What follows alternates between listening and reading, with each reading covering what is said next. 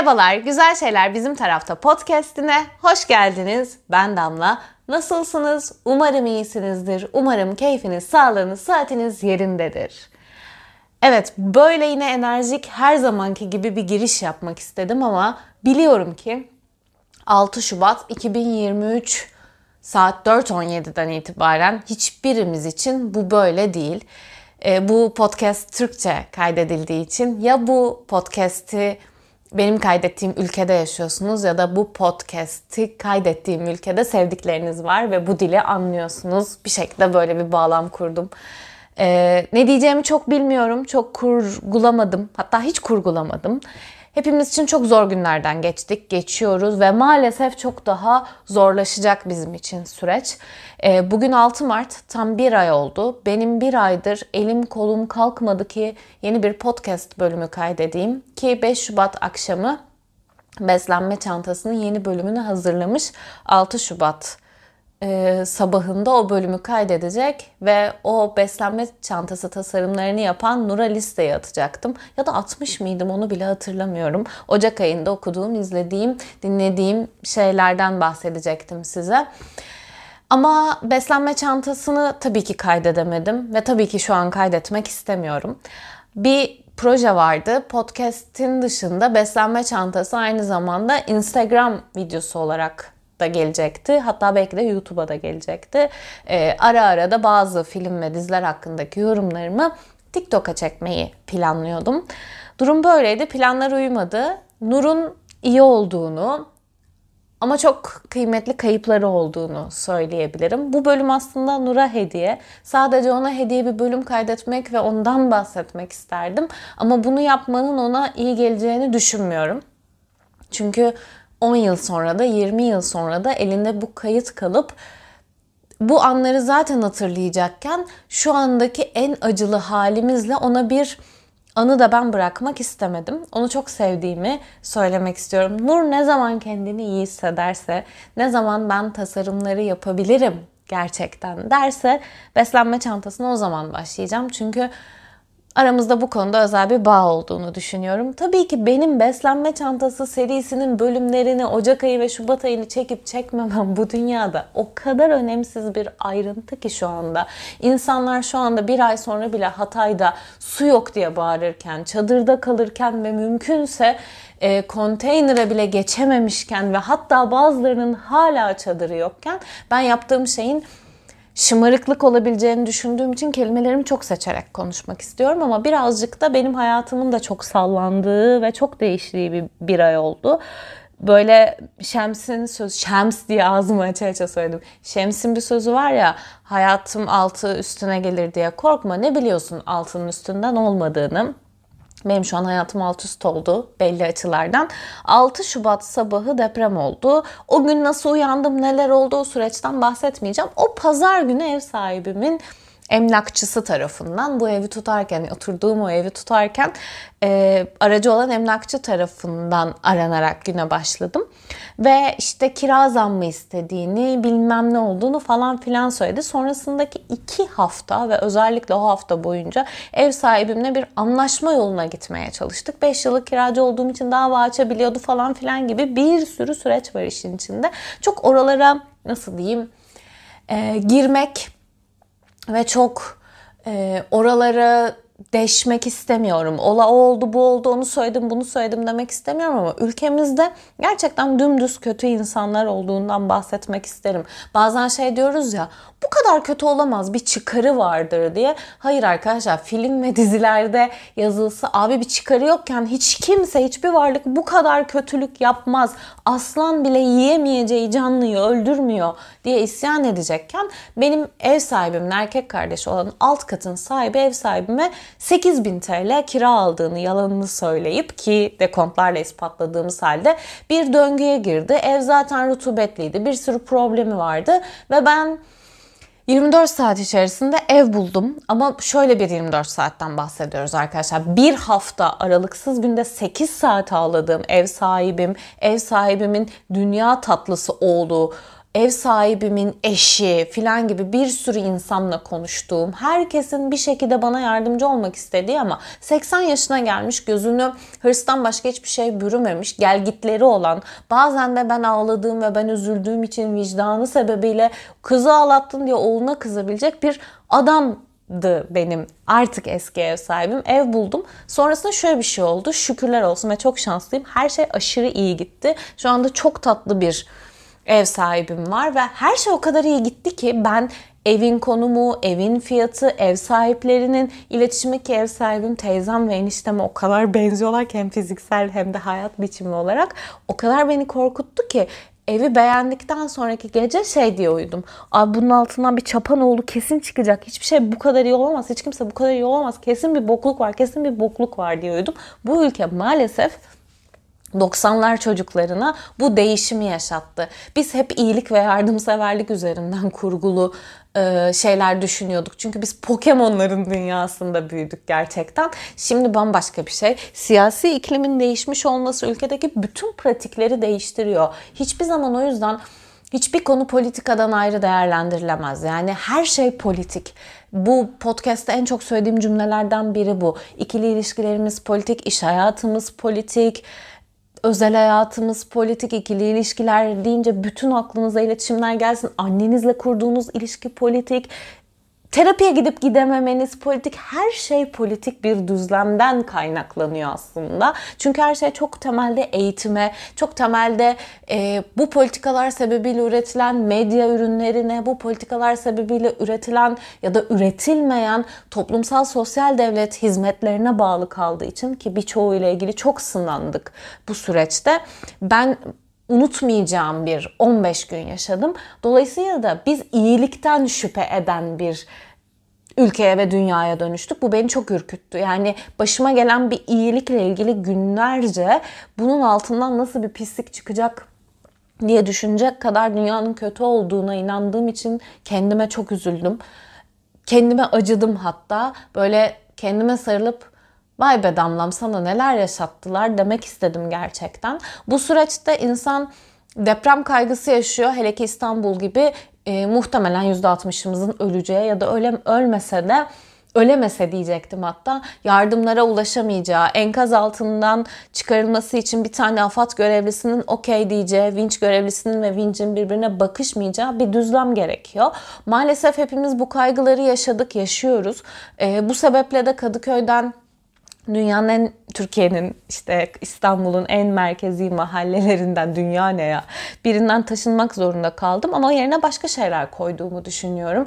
Ağustos ayında evleniyorum. Yeni bir hayat başlıyor şimdi. Bu hayata da bir hazırlık ama tabii ki bütün bunları işte evlilik sebebiyle yapıyorum gibi bir e, pembe toplum tarafından pembe görülebilecek, benim için daha travmatik olabilecek bir yere çekmek istemiyorum. Çok hırpalandım, çok yoruldum, umudum çok kırıldı bu süreçte o kadar fazla şey yaşadık ki iyisiyle kötüsüyle yani şu anda bile sesim titriyor. Ee, bu kadar kötü şeyi yaşarken kolilerce malzeme gönder gönderiyor olmak. Daha depremin olduğu ilk gün ben Kadıköy Belediyesi'ne yardım götürmeye gitmiştim. O gün o kalabalığı görmek, o insanların dayanışmasını görmek beni çok ağlattı.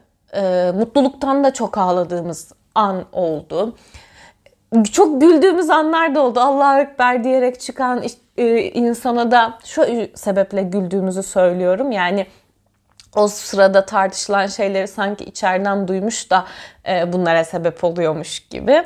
E, ya da işte neydi sigara içip pille sigarasını yakan abi gibi o kadar çok o kadar çok şey yaşandı ki e, bütün duygular ve bütün travmalarımız tetiklendi. Ben de geçmişimdeki insanlara çok kızmaya başladım. Hayatta şu anda güvencesiz yaşamama sebep olan eski patronlarıma, eski iş arkadaşlarıma, bugüne kadar karşıma çıkan herkese bu sebeple öfke biriktirmeye başladım. Yapması gereken yasal zorunlulukları hiçbir türlü yapmayan herkese çok öfkeliyim. Gidip de ülkeyi, hükümeti suçlarken kendi hayatında kendi diktatörlüğünü yaratan, bundan nasıl çıkar sağlarım diye deprem sebebiyle kendini popüler yapmaya çalışan herkese çok öfkeliyim. Ama en büyük öfkem bizi bu kadar çaresiz hissettiren sisteme, düzene, iktidara buna çok öfkeliyim. Çünkü ben bir gün geldiğinde hayatta çaresizlik duygusu üzerine düşünmek istersem kesinlikle hatırlayacağım şeyler bu 6 Mayıs depremi sonrası olacak. Çünkü o kadar çaresiz, o kadar yorgun ve o kadar işe yaramaz hissettim ki ama bir yandan da o kadar işe yarar hissettim ki o kadar birliğimizi, beraberliğimizi sevdim ki Beşiktaş taraftarının e, sahaya attığı peluş oyuncaklara 10 dakika bakıp bakıp 1 dakikalık videoyu kaç defa izledim bilmiyorum. Sonra bundan ilham alan Vakıfbank'ın Eczacıbaşı ile oynadığı maçta 4 Mart'ta topladığı oyuncaklara bakmayı e, unutmayacağım. E, en çok hatırlamamız gereken şey bu. Bütün bunları yaşarken, bütün bunlarla uğraşırken benim e, tek umudum olan seçime iki ay kalmışken altılı masa denilen masanın bir kapris sebebiyle sebepleri ve sonuçlarıyla ilgilenmiyorum. Evet ama bu da çok politik. Dağıtılması ihtimaliyle, dağıtılmasıyla, bizim tekrar umutsuzluğa sürüklenmemizle, bütün bu süreçle yaşadığımız her şeyi hesap her şeyle Türkçem bitti gerçekten hesaplaşmamız gerektiğini düşünüyorum. Umuttan yana olmak istiyorum.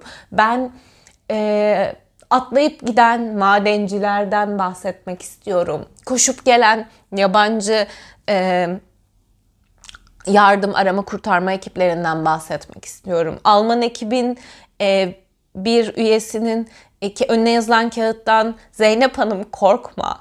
E, Daniel'di galiba, Daniel'di galiba, Daniel burada dediğini, tamam korkma dediğini unutmak istemiyorum. İyi şeyleri de unutmak istemiyorum. Kötü şeyleri de unutmak istemiyorum. Bu süreci bir acitasyon gibi yaşamaktan ziyade bir öfke, inadımıza tutunma olarak görmek istiyorum. Hepimizin çok politika ve siyaset yapması gereken bir zamandayız. Bizi bu kadar çaresizliğe terk eden herkese bunun hesabını sormamız gerekiyor. Herkese teşekkür etmemiz gerekiyor. İyiye, kötüye, her şeye teşekkür etmemiz gerekiyor.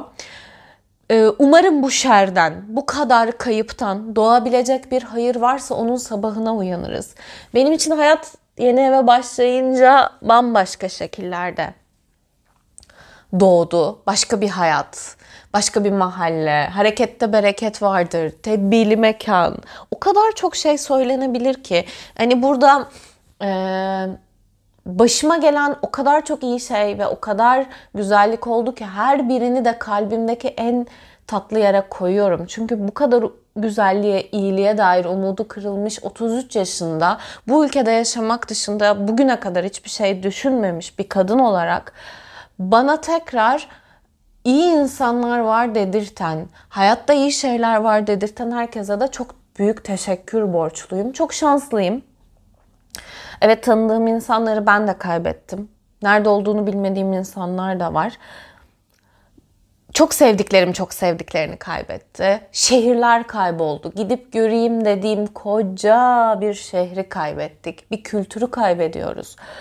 O kadar çok peşinde koşmamız gereken şey var ki, o kadar hasarlıyız ki ama gerçekten birbirimizden güç alarak iyileşebileceğimize inanıyorum. Bir kurtarıcıya hiçbir zaman inanmadım. O yüzden şeyi de sevmem ben. İşte Samsun'dan bir daha gel sarı saçlım, mavi gözlüm. Karşım sen yani hala mı oradasın? Atatürk'ü sevmek, kıymet vermek, bütün ilke ve inkılaplarına saygı duymak zorunda olduğumuzu dışarıda bırakarak söylüyorum. Senin hala bir kurtarıcıya ihtiyacın yok. Bu ülke bir kez kurtuldu ve bir hele ki aynı kurtarıcıya yani. Sen bunun üzerine bir şey koymakla yükümlüsün diye diyorum. Bizim artık demokrasinin peşinde olmamız gerekiyor. Ee, hiç planlamamıştım konuşmayı nerelere geldi. Ben e, Bakanlar Kurulu toplantısının kendi arasında 130 milyon TL toplayabilmesini istemiyorum. E, bakanların bu kadar zengin olduğu bir ülkede yaşamak istemiyorum. Çünkü bu kadar zengin olan bakanlar halkın aç, susuz, yoksul, çatlak binalarda yaşamak zorunda kaldığını anlamıyorlar. Depremin ilk günlerinde bir yazı paylaştım ve arkadaşlarımdan çok büyük tepkiler aldım ve bazı arkadaşlarım beni hayatlarından çıkardılar şükürler olsun. İnşaat mühendislerinde diploma kiralamak çok modadır mesela. 3 tane 5 tane yere kiralayabiliyorsun ya da bir tane yapı denetim firmasıyla çalışıyorsun. Binaları hiç görmüyorsun. Gidip çat çat çat imza atıyorsun. Yapan arkadaşım varsa şu an başka şehirde bile olsa katilsiniz dedim. Çünkü yapı denetimin parasını müteahhitin ödemesi ne kadar boktan ve yanlış bir şey değilse bunu yapan insanlar da umarım birinin ölümüne sebep olduklarını, olabileceklerini görmüş ve anlamışlardır ve belli ki yapan arkadaşlarım varmış ve çok tepki aldı bu. Çünkü benim mühendislik okurkenden kalan çok inşaat mühendisi arkadaşım var. Ee, hayat bize yeni bir hayat mı sundu? Normalleşme çok tartışılıyor. Bence bir daha hiç o normale dönmeyeceğiz. Çünkü 10 tane şehrin bittiği, bu kadar zorlandığımız bir şeyden sonra yeni bir normal var. Covid'den sonra yeni normal, yeni normal konuşuluyordu. Şu an insanlar yediklerini, içtiklerini, gezdiklerini paylaşmaya çalışıyorlar. Paylaşmakta bence herkes özgür. Unutmamak için para kazanmaya, çalışmaya dönmemiz gerekiyor. Mesela hemen bizim sektör bitti işte. Hemen dizi setleri durdu bilmem. Tabii ki dursun, yayınlanmasın. Bunu TikTok'ta bir videoda da anlattım. Bir dizi setinin durması demek ortalama 300 kişinin işsiz kalması demek. Ve bu yüzden de ee, ve kanallar yayınlandıkça para öderler ve 40 gün sonra öderler. Şu an reklam geliri olmadığı için kanal yayınlamak istemiyor. Kanal yayınlamadığı için yapımcı para kazanamıyor. Yapımcı para kazanamadığı için oyuncusundan çaycısına kadar kimse para kazanamıyor. Sandığınız gibi o setlerde herkes 100 bin lira kazanmıyor. 3 bin liraya oynayan insan da var, 2 bin liraya oynayan insan da var ve bizde herkes parasını haftalık alır, kaşe alır, çaycısı da var. Herkese aynı anda para yatar. Dolayısıyla bunlar geciktikçe, yayınlanmadıkça, bu sektörler durdukça ki zaten herkesin içeride parası vardır. Ülkenin ekonomik krizi de büyüyecek. Yani gerçekten hani birçok insan derdini sikeyim diyecek ama şöyle bir şey var ekmek yapılıyor, fırın açılıyor, bakkal açılıyor, ne bileyim kafeler açılıyor. Açılsın hiçbir açılmasın demiyorum. Ama entertainment dediğimiz şeyin pat diye durduğunu ve insanların bir şekilde buna ihtiyaç duyduğu için e, dönmeye çalıştığını, dönmeye çalıştıkları için de sürekli bir mahcubiyet ve özür modunda olduğunu da ben anlatmamız gerektiğini düşünüyorum. Şu anda tiyatrolar bütün gelirini depremzedelere bağışlamak için oynuyorlar. Çünkü biz mesleğimizi yapabilmek için insanlara borçlu hissediyoruz biraz. Biraz onlara anlatmamız gerektiğini düşünüyoruz. Ve buna nasıl bakmak gerektiğini de bilmiyorum açıkçası. Kafam benim e, bayağı karışık bu konuda da. E, o yüzden de hepimizin kendimizi garantiye maddi manevi alması gerektiğini gördüm. E, depremzedelerin birçoğu meczuptu da sokakta kalmadı. Bunu atlıyoruz. Bir grup fakir insan edebiyatı yapılmaya çalışılıyor. Ee, hiç hoşlanmıyorum. Onlar da sizin bizim gibi işine giden, çocuğunu okula götüren, o gün ne giysem diye düşünen, ya Dyson mı alsam acaba diye düşünen, bu akşam ne pişirsem diye düşünen insanlardı. Ve bir kısmı da en büyük kayıpların olduğu bir kısmı da nasıl ifade edeyim onu maddi açıdan yüksek paralar ödeyebilen belki man zengin diyeyim ya hadi söyleyeyim zengin diyebileceğimiz rezidanslarda oturan insanlardı. Bu insanların hayatlarını kaybettiklerini gördükçe, yazdıklarını gördükçe bir voleybol takımının ay ki burada da çok duygusal şeyler yaşandı. Ee, turne değil tabii ki o bizim tiyatrodaki ismiyle. Maça diyeyim. Maça gidip bir otel enkazından çıkamadıklarını, daha 14 yaşında küçücük çocukların çıkamadığını düşündükçe hayatımızın kıymetini ve değerini bilmemiz gerekiyor. Bir yazı dolaşıyor ya sosyal medyada düşmüştür önünüze. Ee, şey diye ne ee, sevdiğinizi söyleyin, yemek istediğinizi yiyin, yapmak istediğinizi yapın. Hayat çok kısa. Umarım hayatın çok kısa olduğunu, çok anlık olduğunu anlamak için bu kadar kayıp vermemiz gerekmez bir daha. Umarım hepimiz her alanda almamız gereken dersleri almışızdır. Yeni evim bana yeni heyecanlar, yeni işler, yeni bereket, huzur, her şey getirsin diliyorum. Sizi çok seviyorum. Bu süreçte çok elim gitti konuşmaya ama dilim gitmedi. Ne yapsam ne desem bilmiyorum dedim. 19 ee, Ocak'ta en son bir bölüm kaydetmiştim. Ee, yeni bölüm aslında tam böyle beslenme çantası olarak gelecekti ve başka şeylerden bahsedecektim ama o başka şeylerin artık gerçekten derdini siken, kısmında kaldığına inandığım için oralardan bahsetmeyeceğim. Hiç bu kadar küfür ettiğim bir podcast kaydetmiş miydim bilmiyorum. Ee, buradan da Ferhan Şensoy'a selam olsun. Küfürle de sanat yapılabileceğini hatta belki de en iyisini yapılabileceğini çok iyi anlatan bir ustadır kendisi. Kendinize çok iyi bakın. Umarım iyisinizdir. Umarım sevdikleriniz ve siz güvendesinizdir. Ve umarım unutmadan, unutturmadan, birbirimize sarılarak bu ülkeyi tekrar ve tekrar güvenli, insanını seven, insanın ölüsüne, dirisine, canlısına, her şeyine sahip çıkan, malına bile sahip çıkan bir hale getiririz ve bir inancımız vardır. İyi ki varsınız. Üç kişi bile dinliyor olsa bu podcast'i sizi çok seviyorum. Güzel şeyler bizim tarafta.